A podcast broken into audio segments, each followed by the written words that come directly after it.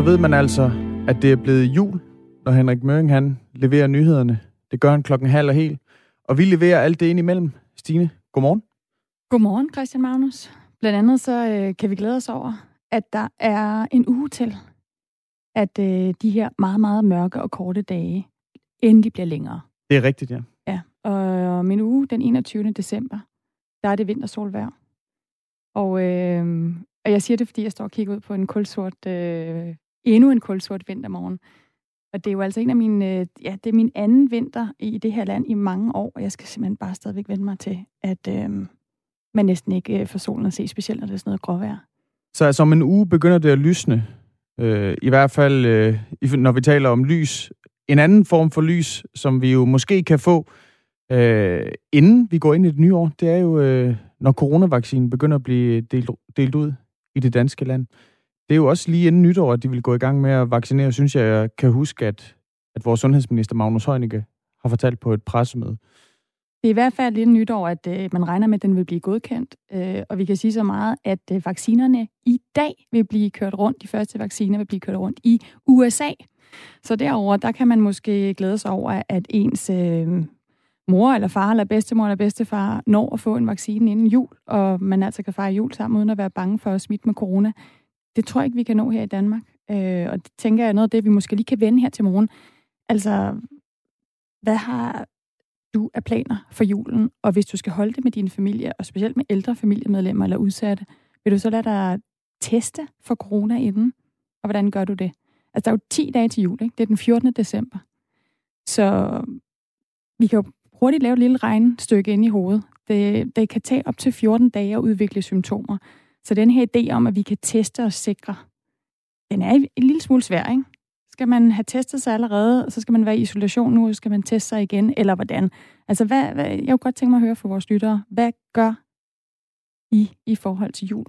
Og hvis man nu gerne vil give sit besøg med, Stine, hvad, hvad er det så, man skal gøre? Ja, hvad er det så? Så skal man skrive R4 på sin mobiltelefon, skrive en besked og tryk send til 1424. Så lander den lige herinde hos mig og Christian Magnus. Men der skal altså ikke kun øh, gå corona i den. Vi skal også forbi en, øh, en ny definition, som Udlændinge- og Integrationsministeriet øh, har besluttet sig for at, at opgøre statistik over. Øh, det drejer sig nemlig om ikke-vestlige indvandrere. Øh, og det er jo, øh, det er jo en, øh, en gruppe, som øh, med jævne mellemrum rammer overskrifterne i de danske medier.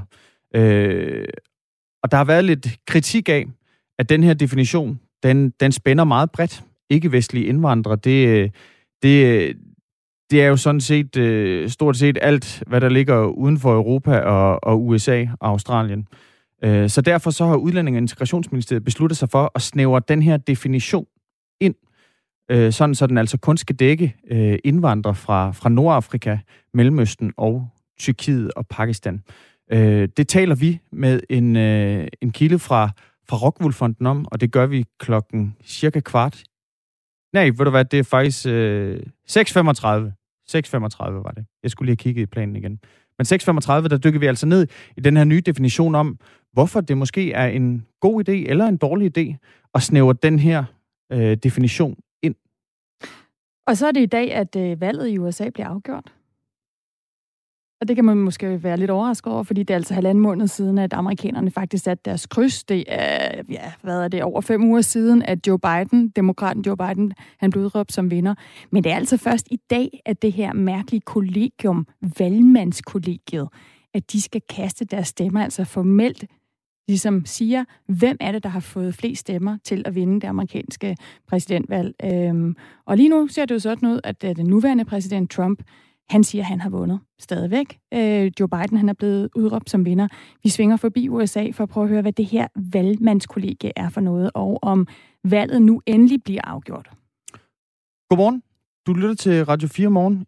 Stine Krohmann Dragsted og Christian Magnus Damsgaard beværter mikrofonerne de næste tre timer. Fra august til 2000, fra august 2009 til august 2020, der er antallet af lærerstillinger i kommunerne faldet med ja, mere end 1000 rent faktisk. Og det svarer til, øh, til cirka hver femte lærerstilling, der altså er røget ud af, af vinduet. Det viser en analyse foretaget af Danmarks Lærerforening. Og det er altså et problem, det mener i hvert fald Gordon Ørskov Madsen, som er formand for Lærerforeningen. I takt med, at øh, eleverne har fået flere undervisningstimer, og folkeskolens opgaver er blevet mere og mere kompleks, så er det virkelig et problem, at øh, 19 procent af lærerstillingerne er, er, er forsvundet ud af folkeskolen. Og en stor del af de lærere, som altså har forladt folkeskolen, det er lærere, som har sagt deres stilling op. Og en af dem, det er dig, Pernille Kepler. Godmorgen. Godmorgen. Du nåede at være lærer i, i folkeskolen i, i 21 år, inden du sagde ja. op i, i 2018. Hvorfor sagde du op dengang? Det gjorde jeg, fordi jeg igennem øh, et par år øh, havde synes, at øh, jeg ikke øh, kunne holde ud og se eleverne i øjnene og byde dem det, jeg bød dem hver dag. Det var simpelthen ikke tilstrækkeligt, det jeg kunne yde for eleverne. Der var for mange elever, der ikke fik øh, den undervisning og den hjælp, de skulle have. Hvad var grunden til, at du ikke kunne føle, du kunne se eleverne i øjnene? Jamen, der er jo øh, i en årrække, der er blevet lukket en masse skoler. Klasserne er blevet større. Der er blevet lavet en inklusionsreform, øh, så vi skulle løse flere og flere komplekse opgaver i folkeskolen. Der var øh, færre og færre lærerstillinger, fordi der blev skåret ned på antallet af lærere. Undervisningstiden blev udvidet, og den tid blev taget fra min forberedelsestid. Øh, så min samarbejde med mine kollegaer og med eksterne eksperter, den øh, også faldt.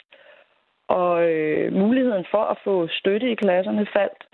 Samtidig så skete der øh, et, et, et der skete noget med ledelsen, øh, sådan at øh, det virkede som om, at de forskellige ledelseslag mere handlede ud fra at holde deres røv fri, hvis jeg må være så fri, frem for at have en vision for folkeskolen. Mm, så det, det var et sammensurium af, af mange ting. Nu nævner du selv øh, forberedelsen der. Hvor meget, hvor meget forberedelse og hvor meget undervisning havde du, da du sagde op i, i 2018? Kan du huske det? Så vidt jeg husker, jeg regner det ud, så havde jeg 15 eller 16 minutter per lektion. Nej, per klokketime. Hvad, hvad, hvad bliver det på en, altså en 37 timers arbejdsuge? Hvor, hvor meget gik så med undervisning, og hvor meget gik med, med forberedelse? Øh, det kan jeg ikke lige huske, men jeg havde, øh, så vidt jeg husker, 5-26 lektioner. Og mm. så var der jo alle de andre opgaver ved siden af. Og når man så trak alle de andre opgaver fra arbejdstiden, så kunne jeg jo regne ud, at jeg havde de der 15-16 minutter per lektion til forberedelse og efterbehandling. Det vil sige, det gælder også til at rette opgaver, det gælder også til at dygtiggøre mig og holde mig assur. Mm. Og det er for lidt? Ja, det tror jeg ikke, man behøver en høj uddannelse for at regne ud. Hvor meget skal man have? Altså, hvor meget vil være det optimale? Det optimale forhold mellem forberedelse og, og undervisning? Når man sorterer alt andet end forberedelse og efterbehandling fra, øh, eller når, hvis man skal reservere tid kun til det, så skal du have 50 procent øh, forberedelse og efterbehandling for at kunne være en dygtig lærer, så... der også efterbehandler ordentligt. Okay, så sådan, øh, lad os sige, en times undervisning, der vil man skulle have en halv times forberedelse, sådan i snit-agtigt. Mm, så det er ja, klart, det vil minimum, ja. Okay. Øhm, antallet af læger, som altså også er, er grunden til, at vi taler med, med dig, Pernille Kepler, det er, at antallet af læger siden 2009 er faldet med 19 procent, mens antallet af elever er faldet med 10 procent. Øh, ja. Det her antal af, af læger, som altså forlader folkeskolen, det er altså faldet 11 år i træk. Ja. Hvorfor tror du, det er det? Men det er, fordi presset er så stort, at øh, du kan ikke gå ud og gøre det, man normalt har lyst til at, at brænde for, når det er, man vælger lærerstudiet. Og det er netop at rykke eleverne. Jeg kan huske, at vi på seminaret skulle skrive, hvorfor vi ville, ville være lærer. Og det, jeg skrev, det var, at jeg ville være en dygtigere lærer, end dem, jeg havde. Jeg havde altså også et par dygtige lærere, jeg havde også nogen, der var ret søvnige. Øh, så det var min ambition. Og når jeg så hver dag måtte stå over for eleverne og sige, det er jeg ikke, fordi jeg blev dummere og dummere hver dag, fordi jeg ikke havde forberedelsestid. Men kan man ikke tage, kan man ikke tage en del på rutinen? Nu, har du... Jeg ved ikke, hvor længe noget du har været lærer? Ja, 21 år. 21 år. Øh, Skal ja, man ikke... Altså, det er klart, så, når man som, som nyuddannet underviser, så skal man jo bruge mere tid på at forberede sig. Men oh, tænker, når ja. man for eksempel har undervist i 10 år, i 15 år eller 21 år, som, som du havde, inden du, du forlod folkeskolen, Pernille Kepler, kan man så ikke tage en del af det her, altså på rutinen. Det er klart, at man skal følge med øh, inden for de nyeste undervisningsmetoder og forskning inden for, for det felt, man, man underviser i. Men det, der må da alt andet lige være øh, altså kortere forberedelse for en, en lærer, der har arbejdet i 15-20 år, end en, der lige er begyndt, for eksempel? Jo, hvis du ikke har nogen ambitioner på elevernes vegne. Hvis du har ambitioner på elevernes vegne, så vil du blive ved med at dygtiggøre dig. Nu underviser jeg så i naturfagen, der er jo ikke noget, der står stille. Mm. Øh, men, men så vil du jo øh, blive ved med at udvikle din undervisning, blive ved med at øh, finde på nye veje til bedre at kunne finde ind til eleverne. Men jeg vil da sige, at hvis, hvis jeg havde været nyuddannet, øh, da jeg sagde op, så var jeg knækket i løbet af meget kort tid. Okay. I den, øh, den nye finanslov, som jo landede for, for to uger siden, der er der afsat øh, 400 millioner til at ansætte 700 lærere landet over. Og, og den udvikling, den, den er Gordon Ørskov Madsen øh, egentlig ganske tilfreds med. Han siger sådan her. Der skal flere lærerstillinger til, og der skal øh, bedre prioritering af opgaverne i folkeskolen, så vi har så vi sørger for, at der er kvalitet i hver eneste undervisningstime. Fordi det kunne også få nogen til at, at blive i folkeskolen og søge ind i folkeskolen. Det, at der nu kommer flere lærere på landets folkeskoler, kunne det få dig til at overveje at vende tilbage bag? Hvis jeg, ja, hvis, hvis jeg kan, kan se, at nu kan jeg lykkes for, øh, med min arbejdsopgave, så kunne jeg bestemt finde på at, at søge tilbage. Jeg synes, at øh, det at have en... Øh, en fælles folkeskole øh, i Danmark, det er så vigtigt. Mm. Og det, og, det, og, men nu nævner du selv forberedelsestiden som en af de ting, der var afgørende for, at du, du valgte at, at forlade faget for, for to år siden. Øhm, det, er jo ikke, det er jo ikke nødvendigvis noget, som flere lærere kommer til at ændre på. Nej, så det alene vil ikke få mig til at vende tilbage.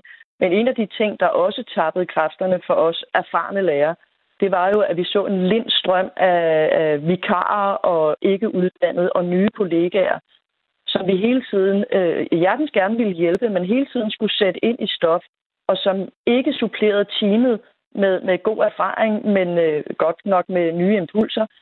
Men nye impulser kan også komme i så lind strøm, og det bliver for meget. Så, så øh, flere lærere vil i hvert fald hjælpe på det, den front. Øh, men men øh, du har helt ret flere lærere ikke nok. Der har jo også, der har jo også været en, en lind strøm af øget krav. Øh, blandt andet havde man jo en ambition om, at nu skulle eleverne være så dygtige i 8. klasse, som de før var i 9. klasse. Og vi har fået øh, inklusionsreformen oveni, ikke? øget elevantal. Så, så øh, der er mange ting, der er faldet sammen. Mm. Og det løser man ikke med kun med flere lærere. Hvad laver du nu? Hvad, hvad har du egentlig lavet, siden du, du sagde op? Øh, jeg fik ret hurtigt et job på Kundby Friskole. Så, så du... Og den store, ja. ja, den store forskel her, det er jo også, jeg nævnte lige før, ledelsesproblemet. Det er her, at der har man altså en respekt for, øh, for lærernes, medarbejdernes faglighed og pædagogiske evne. Der bliver virkelig lyttet til, øh, hvad det er, man siger. Det betyder selvfølgelig ikke, at man altid får ret, og heldigvis for det. Men, men øh, der bliver lyttet, og der er en respekt om det, man kan. Øh, det er der ikke. Det oplevede jeg ikke i folkeskolen til sidst.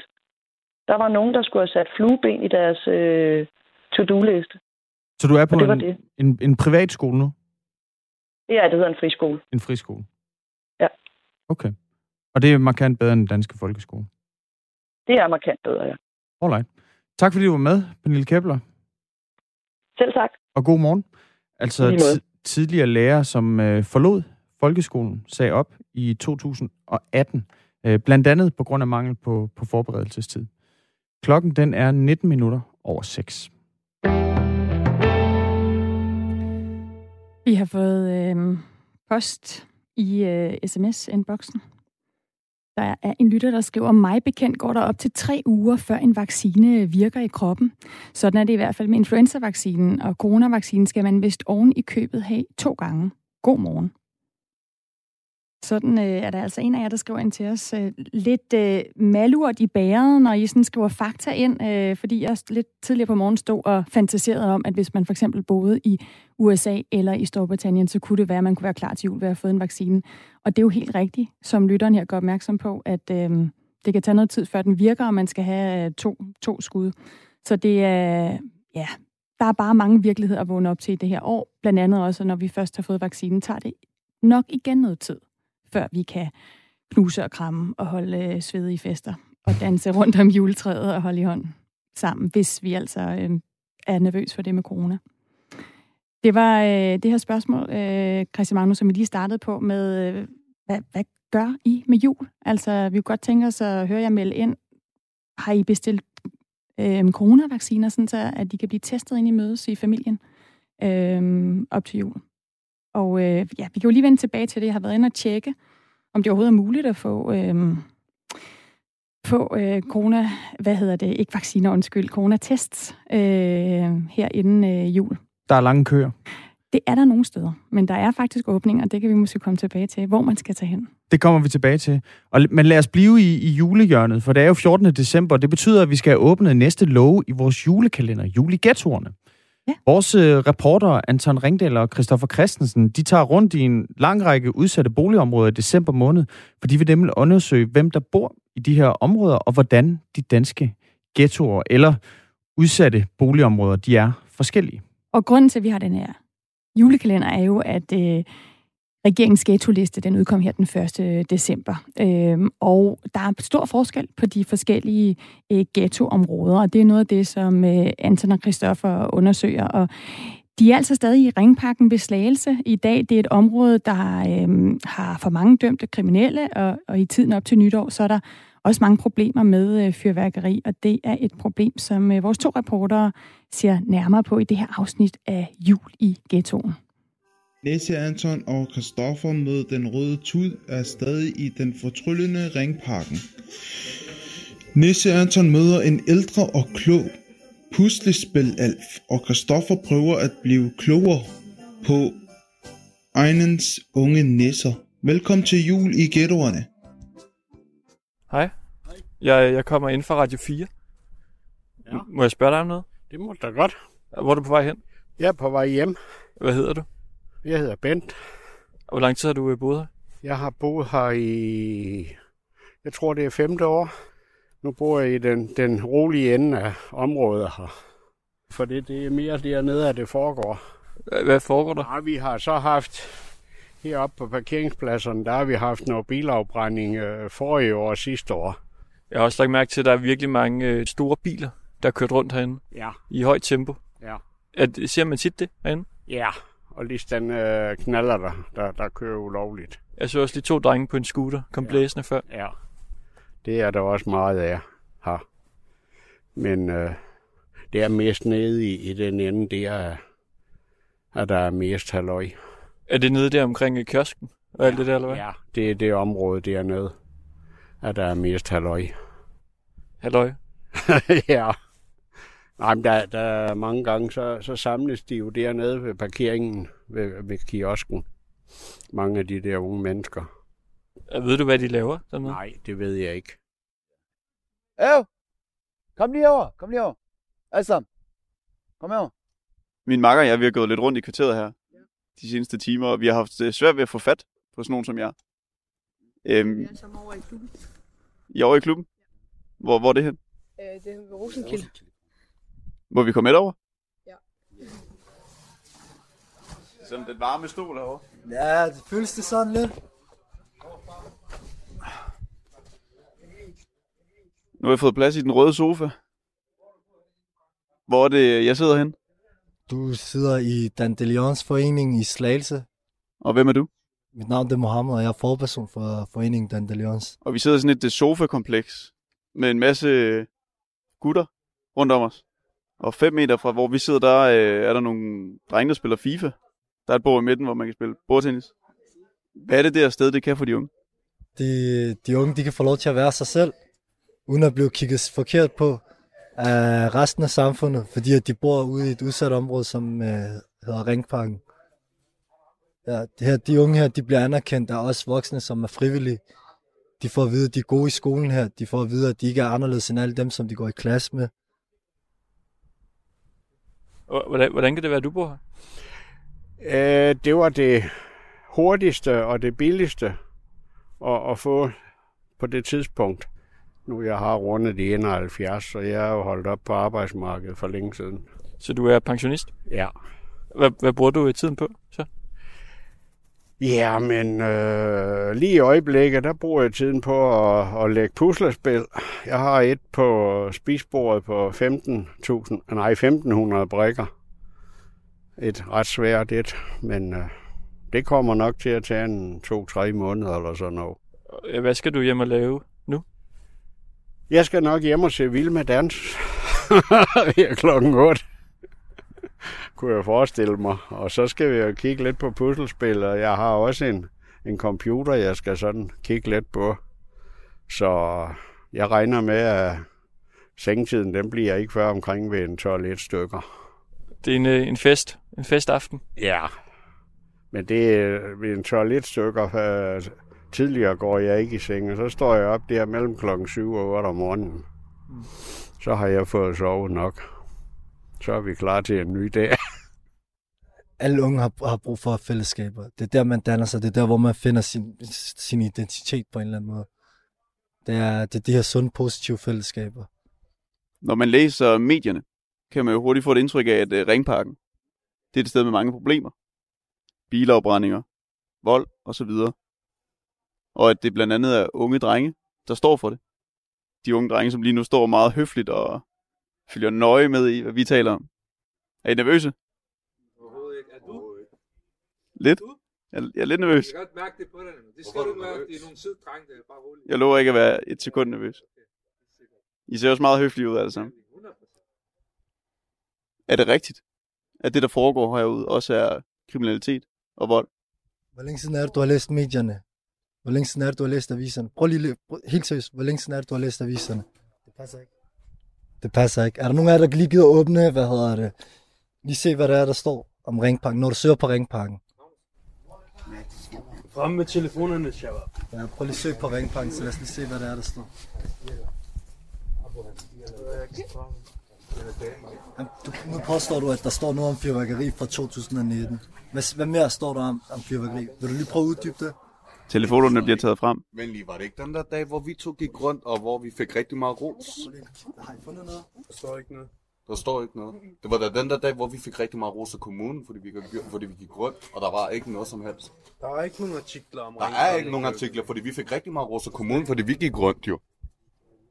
Er det sådan nogle ting, er det sådan nogle, du ved, det, nu ikke, det der sker her, det er, at medierne, de har en måde at fremstille bestemte områder på, fordi de har en eller anden, de har en eller anden agenda for en eller anden bestemt parti, eller jeg ved ikke, hvem det er, der støtter de forskellige medier, men der er en eller anden måde, som de gerne vil have, man skal se områder på.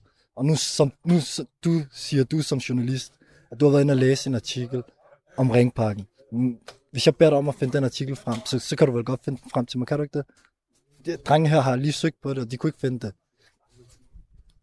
Så der foregår ikke kriminalitet i Ringparken. Det var ikke det, jeg spurgte dig om. Jeg spurgte dig, om du som journalist kan finde den artikel frem, som du lige sagde til mig, at du lige havde læst om Ringparken. Kan du ikke det? Så det, for, det foregår ikke. Igen, du svarer udenom det, jeg spørger dig om. Hvis du lige har talt om nogle artikler, som hvad, ring, hvad der bliver skrevet om i Ringparken. Jeg spurgte dig, om du gad at finde den artikel frem. Gider du gøre det? Ja. Men det, altså, det bliver sådan et underligt interview. Jamen, det er, så, sådan er det desværre. Jeg slukker min optager for at finde artiklen frem. Artiklen fra 2019, som vi diskuterer, den findes. Den er skrevet af et lokalt medie for Slagelse, og har overskriften Ulovlig affyring af fyrværkeri i Ringparken. Den handler helt simpelt om, at der blev affyret fyrværkeri i Ringparken uden for den tilladte periode. Jeg kunne også have nævnt en artikel fra januar i år, skrevet af TV2 Øst. Den beskriver, at Slagelse Kommunes beredskabsmyndighed blev beskudt med fyrværkeri nytårsaften, blandt andet i Ringparken. Det samme skete i øvrigt to år tidligere, som en artikel i BT forklarer. Forpersonen for foreningen mener ikke, at artiklen fra 2019 siger noget om området. Vi kommer desværre aldrig videre i interviewet. Stemningen er da også ret presset. Ja, der blev altså gået til vores reporter her, Christoffer Christensen. Det synes jeg egentlig er, er meget kønt, når, øh, når borgerne vendes, og, øh, og kilderne de også begynder at gå lidt til journalisterne, og hvor har de deres information fra? Som han altså lige redegjorde her for her, Christoffer Christensen, så var der altså flere artikler i lokale medier, som altså beskrev, hvordan øh, der blev skudt fyrværkeri af i Ringparken i, i Slagelse, uden for den tilladte periode, hvor man altså må øh, fyre fyrværkeri af. Og det var altså lov nummer 14 i julekalenderen Jul i Ghettoen med Anton Ringdal og Christoffer Christensen. I morgen der åbner vi endnu en lov, den 15. december, og der besøger øh, de, vores to reportere øh, Korsør, en, øh, et udsat område der. Øh, så lyt med i morgen, når vi åbner den næste lov. Og lyt med, fordi nu er Henrik Møring klar med nyhederne.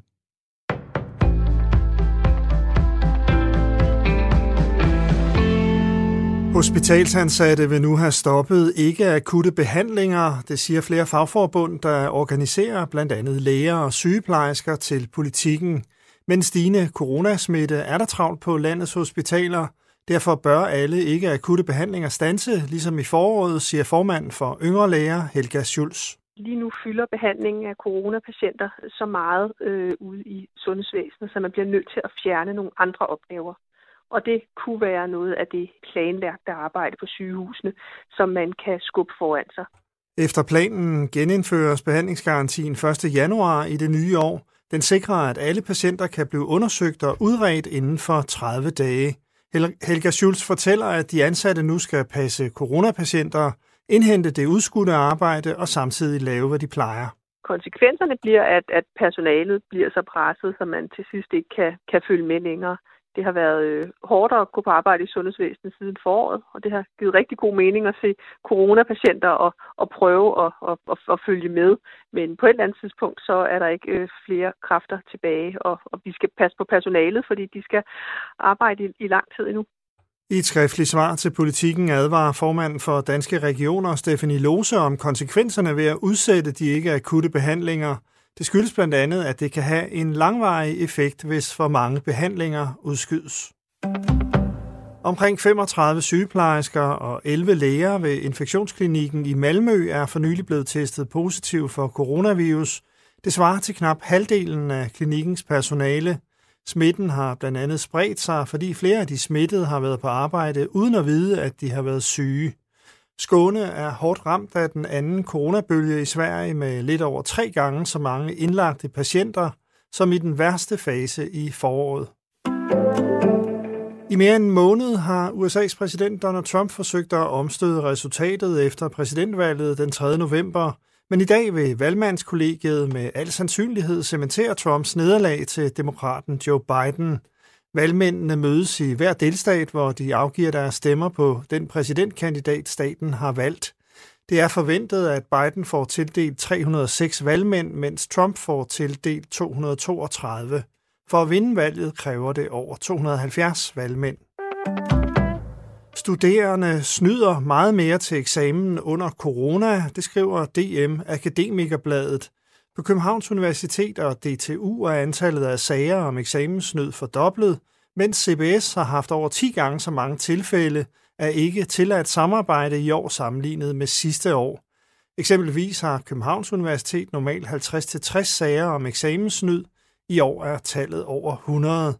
Vicedirektør Rie Snækkerup fra KU understreger, at de fleste studerende stadig overholder reglerne, vi har over foråret afviklet mere end 150.000 eksamenshandlinger, så tallet skal ses i forhold til det, siger hun til bladet. Den britiske forfatter John le Carré, der er kendt for sine spionromaner, er død 89 år, det oplyser hans litterære agent på Twitter. Le Carré døde i aftes efter kort tids sygdom, der ikke var, corona, der ikke var relateret til coronavirus. Han er blandt andet berømt for romanerne Spionen, der kom ind fra kulden fra 1963, og for Dame konge Espion med mesterspionen George Smiley, der er en central person i flere af hans bøger. Skyet og diset og regn breder sig vestfra ind over landet 5-8 grader og let til frisk vind omkring syd.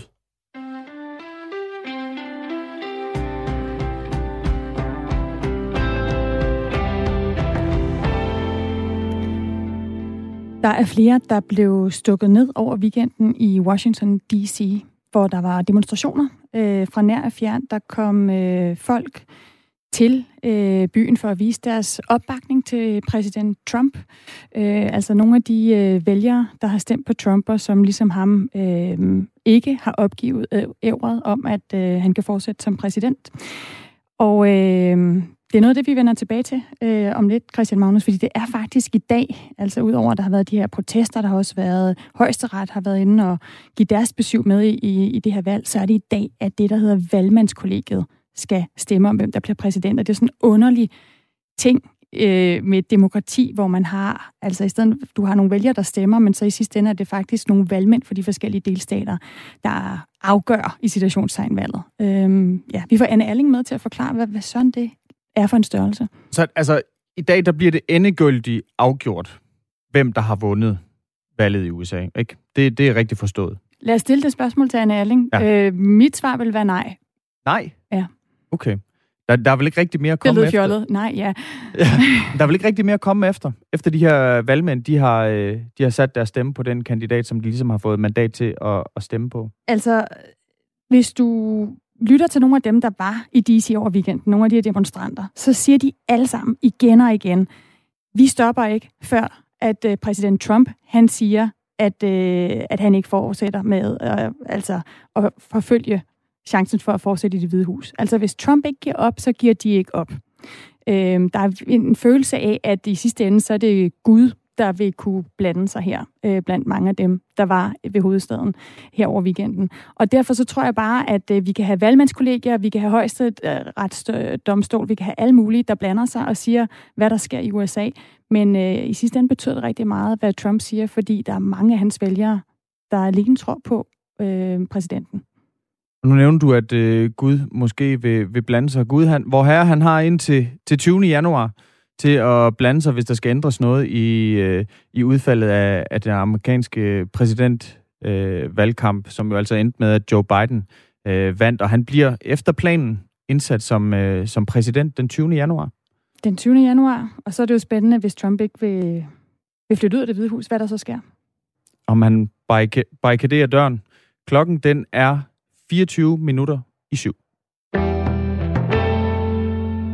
Ikke-vestlig indvandring koster de offentlige finanser 33 milliarder kroner. Ikke-vestlige indvandrere er overrepræsenteret i fængslerne. Det her, det var øh, to avisoverskrifter, som, øh, som kom frem, da jeg mødte ind i morges og, og googlede ikke-vestlige indvandrere. Men hvad dækker det her udtryk ikke-vestlige indvandrere egentlig over? Svaret på det, det er rigtig mange forskellige lande og nationaliteter. Det er faktisk nemmere at nævne de lande og regioner, som ikke hører med under ikke-vestlige indvandrere.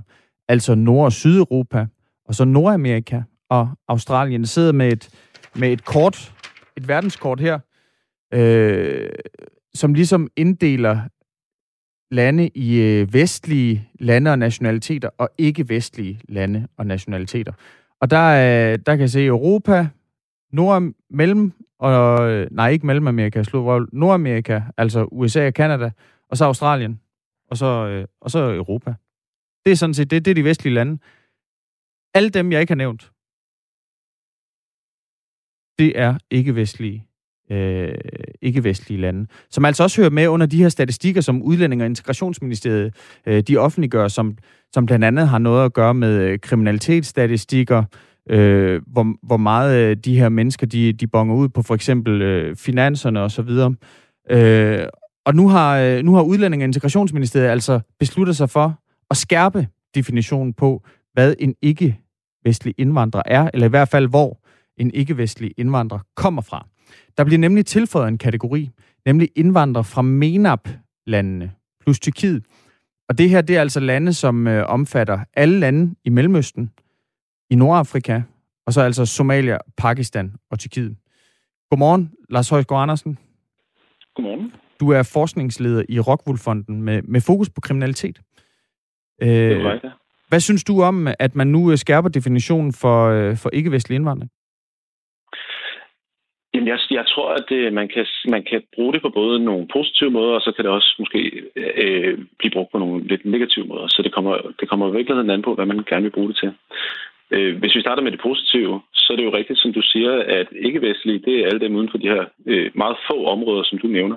Så på nogle måder er det jo, er det jo noget af en rodbunke. Så når vi taler om ikke-vestlige øh, indvandrere, ikke-vestlige efterkommere, personer med ikke-vestlige eller oprindelse i ikke-vestlige lande, jamen så, så spænder det simpelthen over vidt, vidt forskellige mennesker, der kommer fra vidt, vidt forskellige vilkår, øh, og sådan set også klarer sig på vidt forskellige måder i Danmark. Så det er jo en meget uklar kategori der kan det næsten kun være en fordel for os at, at, at få brudt den op, så vi kan øh, sætte fingeren lidt mere præcist på, jamen, hvor er det, der er nogle samfundsmæssige udfordringer. Hvilke, hvilke persongrupper er det, øh, vi som samfund måske kunne, øh, kunne arbejde lidt mere med og, og hjælpe mere øh, med på vejen integrationen i Danmark. Det, der, hvor man skal være en lille smule opmærksom, og der, hvor man, man måske skal passe på ikke at komme til at, at, at, at bruge det på en negativ måde, det er så, at, at i vores iver efter at pege på udfordringer, der kan løses og takles, jamen så kan vi også godt risikere at komme til at pege fingre af nogle bestemte grupper. Altså det, vi kalder for stigmatisering. Øh, at vi sådan set kommer til at, at udpege helt, altså hele befolkningsgrupper, som vi øh, i vores siger øh, opfører sig dårligere end andre. Hvad, hvad, hvad tænker du, øh, en, en eventuel stigmatisering af en, øh, af en gruppe kunne være? Jamen, som du lige, som du lige selv sagde før, så kan man jo, så kan man jo øh, øh, øh, google sig frem til rigtig mange øh, meget interessante overskrifter. Øh, en af dem, der, der meget ofte dukker op, er jo den her omkring øh, kriminalitet.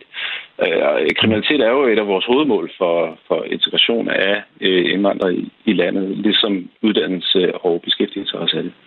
Øh, men hvis vi, hvis vi ligesom peger, lad os sige, øh, MINAP-T-landene, som, som det så øh, hedder her, ud og siger, jamen de har øh, et anderledes øh, kriminalitetsbillede end alle de andre lande, formentlig højere end de andre lande, så risikerer vi også samtidig at give alle os andre indtryk af, at alle personer, der har oprindelse i de lande, er nogle, er nogle frygtelige nogen. Øhm, og det er, jo, det er jo på ingen måde rigtigt. Vi skal jo huske på, når, når, vi, når, vi, når vi ser de her kriminalitetstal især, så er det jo langt størstedelen, der ikke får en dom for kriminalitet. Øh, men det billede kan man godt øh, få, skal man sige, få, få, få sat forkert op inde i den brede befolkningshoved, hvis man ikke er meget præcis omkring sin sprogbrug. Ja, man har faktisk allerede lavet de første beregninger med udgangspunkt i den her nye opdeling, og den viser blandt andet, at 4,6 procent af unge øh, 15-29-årige mænd fra, fra de der MENAPT-lande, som du nævner her, øh, de i 2018 var dømt for straffelovsovertrædelser, mens det kun gælder 1,8 procent af unge fra ikke-vestlige lande. Præcis. Er det, er det, er det, er det, er det stigmatiserende? Er det stigmatiserende? Nej, tallet som sådan er jo ikke stigmatiserende, og det gode ved tallet er også, at det jo samtidig viser, at noget, noget ud af 95 ud af 100 i den gruppe jo ikke har fået en dom inden for året.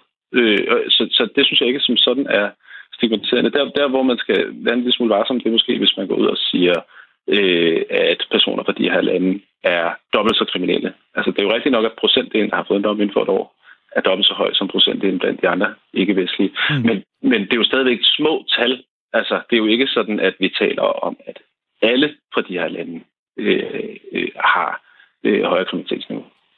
Nej, det er det ikke. Men, men man kan sige, øh, set over en bred kamp, så er det jo dobbelt så kriminelle som, øh, som øh, øvrige, fra, øvrige indvandrere fra ikke-vestlige lande.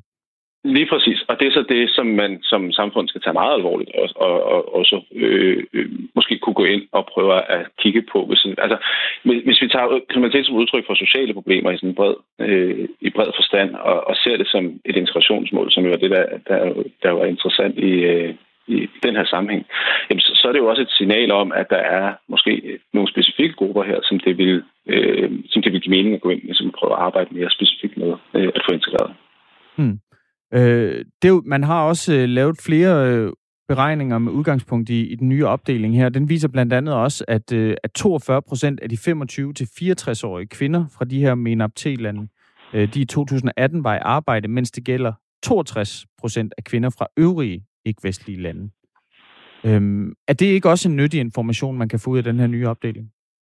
Det, jo, det er en meget nyttig information, fordi det sætter jo fingeren ret præcis på, hvor et, et, af, et af udfordringerne ligger. Øh, du kan sige, de 62 procent, eller hvad det er, du siger for, for, for dem fra de øvrige mm. ikke-vestlige lande, dækker ja. jo stadigvæk over en enorm, øh, altså over enormt forskellige personer og personer fra meget forskellige lande. Det er jo både sydamerikanere og sydøstasiater, der er blandet sammen. Så på den måde kan man jo sådan set blive ved øh, med at bryde kategorierne op og få, øh, og få et mere præcist billede af, hvor det er, udfordringerne ligger.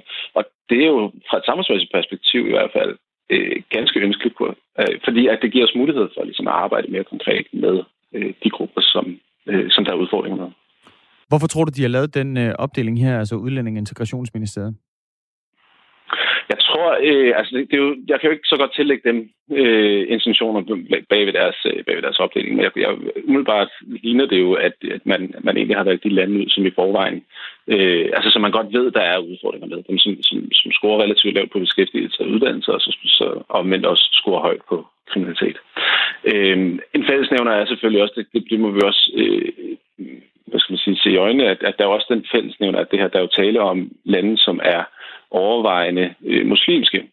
Øh, og, og der er vi måske igen over i den, i den boldgade, hvor vi skal tage at være en lille smule varsom med, øh, hvad vi tillægger øh, kategorien.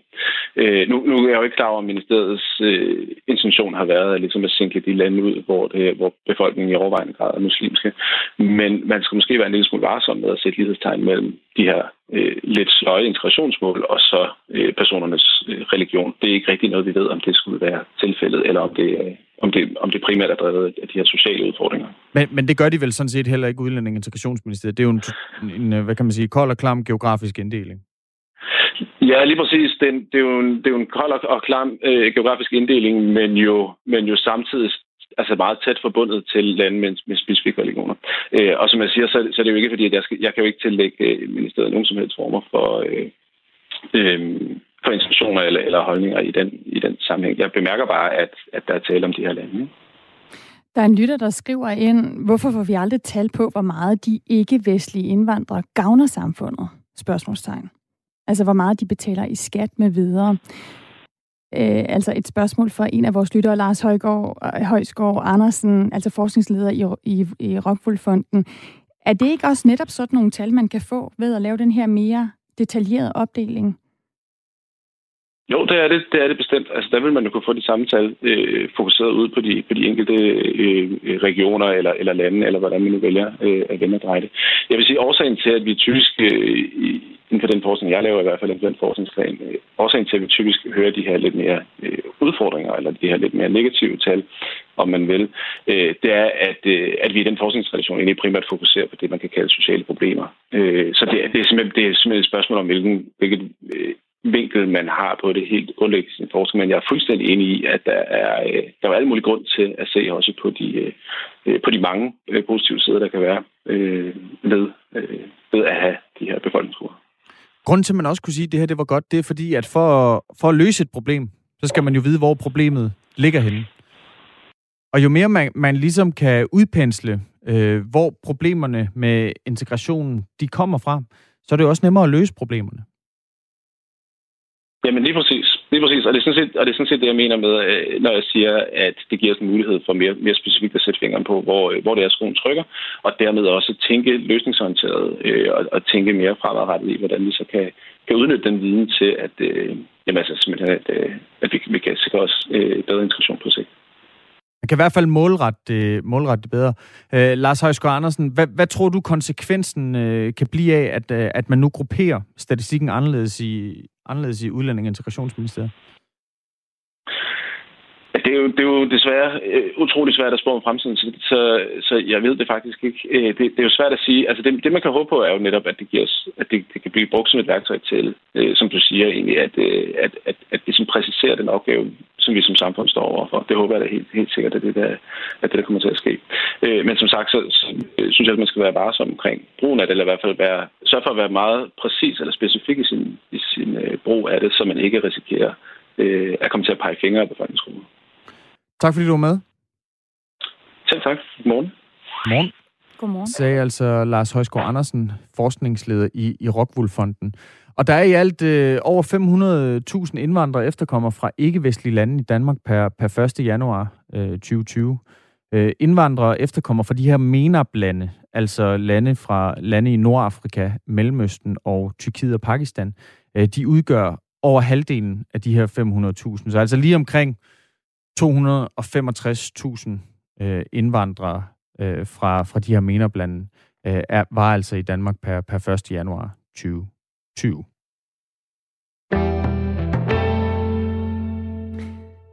Det er halvanden måned siden, at øh, amerikanerne satte kryds ved det præsidentvalg, der foregik den 3. november, og det er over fem uger siden, at demokraten Joe Biden han blev udråbt som vinder. Men det er jo ikke en sejr, som præsident Trump han har accepteret. Hen over weekenden så sagde øh, Trump igen, at øh, han vandt overlegent, at han er offer for omfattende valgsvimmel. Og det er jo altså en påstand, som Trumps egen justitsminister, William Barr, har afvist. Spørgsmålet er så, hvordan Trump han vil reagere i dag. Det er nemlig i dag, at øh, det valg, der startede den 3. november, formelt bliver afgjort. Det er dagen, hvor valgmænd fra delstaterne stemmer om, hvem der bliver USA's næste præsident. Det er en lille smule underligt, det her med, at der er valgmænd, der skal stemme, efter at vælgerne har stemt. Og derfor så har vi ringet til dig, Anne Erling. Godmorgen. Godmorgen. Vores øh, USA-journalist er også vært på programmet her på Radio 4, Amerikanske Stemmer. Anne Erling, en snirklet affære med det her demo- øh, amerikanske demokrati, hvor man har det her valgmandskollegie. Kan du ikke lige starte med at forklare, hvad det er, og hvad der egentlig skal ske, når valg- valgmændene de skal stemme i dag? Jo, altså det, som jeg tror, vi der først og fremmest er vigtigt at huske, det er, at det her det er jo en gammel regel, som ligesom stemmer og stammer helt tilbage fra, fra da den amerikanske forfatning blev skrevet, dengang man ligesom ikke havde sådan en masse kommunikation, og man kunne hurtigt ligesom fortælle hinanden, hvad valgresultatet var blevet. Øhm, men, men det, som jeg er sikker på, jeg tror, at rigtig mange lyttere, de kender, det er det her med, at Altså at et er, hvad ligesom amerikanerne hver især stemmer, men så er resultatet, der er de her valgmænd i hver i hver delstat, altså som siger for eksempel, at, at Georgia, som vi har hørt meget om, at det giver ligesom de her 16 valgmænd, og så skal man tælle dem op og se, øh, hvornår man er nået til de her gyldne 272. Og det her, det er sådan lidt en forlængelse deraf. Og det, der sker, det er, at hver delstat, de har udpeget nogle valgmænd, altså øh, rigtige personer, som... Øh, øh, der er i alt 538, som er valgt sådan på national plan. Altså repræsentanter, kan man sige, for hver delstat, som i dag skal mødes i hver deres delstat, og så skal de stemme om valgresultatet, altså helt præcis på papir stemme om, jamen, hvem vandt det her, øh, det her valg. Øhm, og de her øh, repræsentanter, som man måske kan kalde dem, jamen, de er valgt ind. Nogen har også meldt sig meldt sig frivilligt, og langt de fleste af dem, den kender vi altså slet ikke. Øh, der er også nogle sådan prominente figurer, for eksempel Bill og Hillary Clinton, de er, øh, de er valgmænd oppe fra, fra New York, Stacey Abrams er det nede fra, fra Georgia, men de fleste af dem kender man ikke, og alligevel så skal de altså så mødes i hver deres delstat i dag, sætte deres kryds, så bliver de her papirstemmer, de bliver sendt til senatet, hvor de så skal optælles den 6. januar. Så Anne Alling, altså 538 personer, valgmænd og kvinder, der skal stemme om valgresultatet i dag. Altså, er de ikke bundet til at følge øh, det resultat, der var i deres delstater efter den 3. november, eller er der, er der en mulighed for, at vi kan få et andet valgresultat i dag? Jamen, det er der, at det bliver noget interessant. Altså, den, her, den amerikanske forfatning, den er jo egentlig ret kort. Og i forfatningen, der står der faktisk ikke sådan helt præcis, hvad de her valgmænd, om de er bundet til at gøre noget særligt. Så har delstaterne så senere ligesom været inde og, og lave sådan mere specifikke regler for det. Og sådan som det er i dag, der er der 33 delstater af delstaterne, som kræver, at de her valgmænd, altså at de stemmer i overensstemmelse med, hvad amerikanerne har stemt. Altså at de følger det valgresultat, som vi har lige nu. Men der er også 17, så de resterende 17 delstater, som ikke har faktisk noget som direkte krav om, hvad kutumen er for, hvad, hvad de skal gøre. Øh, Højesteret de havde så en, en afstemning tilbage i maj måned i år, hvor de tillod og sagde, at delstaterne at de gerne må, må gå ind og ligesom straffe sådan unfaithful electoral, som de kalder det, altså troløse øh, valgmænd, nogen som, som ligesom går imod, går imod resultatet. Øhm, og det er noget, vi har set ske før. Øh, for eksempel tilbage til sidste valg i 2016, der var der 10 af valgmændene, altså 10 af de her 538, som ligesom gik imod og, og, og var unfaithful og, og stemte noget andet, end hvad valgresultatet sagde. Så altså, vi har set det ske før, men i meget lille omfang.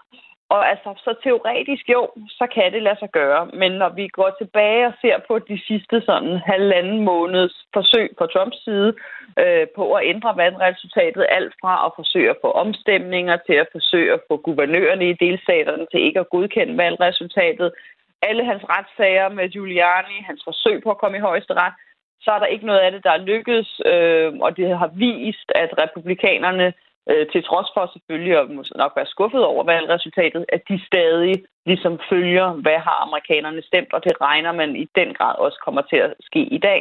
Også fordi, at Biden har vundet så stort. Altså, at han har, han, han har de her 306 mm. valgmænd i forhold til de 232, så der er ligesom ikke rigtig noget at, at rafle om. Altså man kan sige, hvis det lå noget tættere, så, så kunne sådan øh, en, et, et, et par stykker troløse valgmænd faktisk få en betydning, men, øh, men sådan ser det jo ikke ud nu.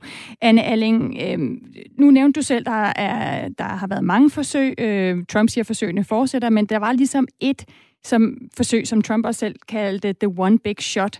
Altså øh, den her øh, udfordring, der kom fra delstaten Texas, hvor man ville ændre afstemningen i valgmandskollegiet i, i dag, og den, øh, det fik man så op, øh, altså prøve at få højesteret til at tage, til at tage det op. Hvad, hvad var det, som Texas forsøgte? Ja, altså Trump han har jo hele tiden sagt, at han regnede med, at det her valgresultat det ville gå hele vejen til, til højesteret. Øh, og det skete, da Texas de, øh, de, de gik til højesteret og sagde, at de simpelthen ville have højesteret til at afvise valgresultatet for de her fra fire altså rigtig vigtige svingstater, Georgia, Wisconsin, Pennsylvania og Michigan.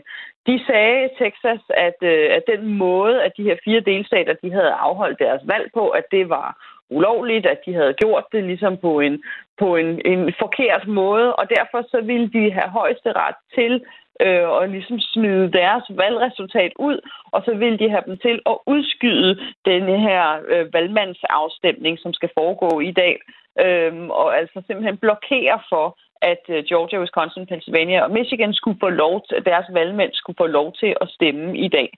Øhm, og det tog de altså direkte til, til højesteret, som kom med deres resultat i fredags, og det højesteret gjorde, men de afviste det blankt og sagde, at der var simpelthen ikke noget belæg for det, som Texas øh, ville. De sagde, at der var ikke noget belæg for, at Texas på den måde skulle, skulle blande sig i, i andre delstaters, øh, i andre delstaters valg. Og det gav ligesom den sådan afgør, det afgørende søm i kisten, kan man sige. Altså hele Trumps sådan forsøg på, at, at det var hans højeste ret her, hvor han har udnævnt de her konservative dommer, som skulle blive ved med at holde med ham. Men det viste de altså meget tydeligt i fredags, at, at det gør de ikke. De, de, de følger ligesom reglerne, øh, og det var til stor skuffelse for, for Trump, der tweetede bagfølgende, at højeste ret virkelig har skuffet os, sagde han, at de har ingen visdom og intet mod. Mm.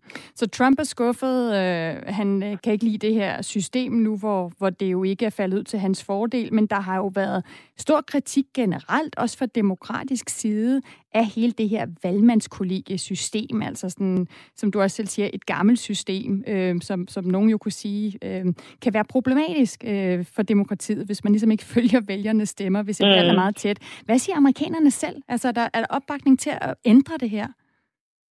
Men altså først og fremmest, så er langt de fleste amerikanere, de kender slet ikke det her system. Altså, jeg tror, at rigtig mange amerikanere, jeg taler med, de synes, det er indviklet nok i forvejen, det her med, at, altså, at det ikke bare er antal stemmer, der ligesom gælder, men, men at, at hver delstat altså bliver delt op i de her valgmænd, som man siger, at, at Georgia for eksempel giver 16 valgmænd. Øh, det er der rigtig mange amerikanere allerede, som synes er lidt indviklet at forstå. Øhm, og, og så kender langt de fleste af dem simpelthen ikke til det her møde, der skal foregå i dag, hvor, at, hvor de her 538 øh, personer, de skal mødes og stemme. Øhm, altså det, det er også noget, som som regel sådan i en, et valg, altså ikke rigtig er noget, som vi, som vi taler så meget om, fordi at valget det ligesom for det meste bliver afgjort på valgnatten, og så alt det her sådan formelle, der foregår efterfølgende, det er ligesom, ja, det er noget formelt, som man ikke hører så meget om. Men altså, som det jo er med rigtig mange andre ting under Trump, fordi at han ligesom hele tiden går imod systemet og prøver at ændre det, jamen så bliver der lige pludselig kastet lys på alle de her detaljer øh, og formelle ting, som, som foregår. Og der hører man altså en voldsom kritik fra rigtig mange amerikanere, som siger, man altså, hvad skal det her egentlig til for? Hvorfor skal 538 personer stemme om noget, som, altså, som millioner af amerikanere allerede har, øh, har stemt om. Altså, at der er rigtig mange amerikanere, der ikke ligesom kan se, hvad grunden er til det her. Mm. Øhm, så, så der er også snak om, og det har der været der længe om, hvorvidt man egentlig skulle, skulle ændre systemet lidt og gøre det lidt mere up-to-date. Anne Erling, tak for at forklare, hvad det er for en afstemning, der, der sker i dag med valgmandskollegiet, og, og den øh, lidt snørklede rolle, det spiller i det amerikanske demokrati og præsidentvalg. Velbekomme. Altså vært på Radio 4's øh, program Amerikanske Stemmer. Øhm, og en af de øh, demonstranter, der over weekenden altså var ligeglade med, at højesteret øh, sagde, at øh, de ikke ville tage de her øh, afgørelser i delstaterne op til, til vurdering, det var øh, Ruth Hillary, som er en 58-årig præst fra Kalifornien. Hun var taget til øh, D.C., og hun sagde, if President Trump accepted and Vice President Pence accepted, then we will accept it. But right now, this is a godly prot- protest. Altså, vi vil ikke acceptere, øh, at Trump har tabt, med mindre han selv siger sådan. Nu er der nyheder med Henrik Møring.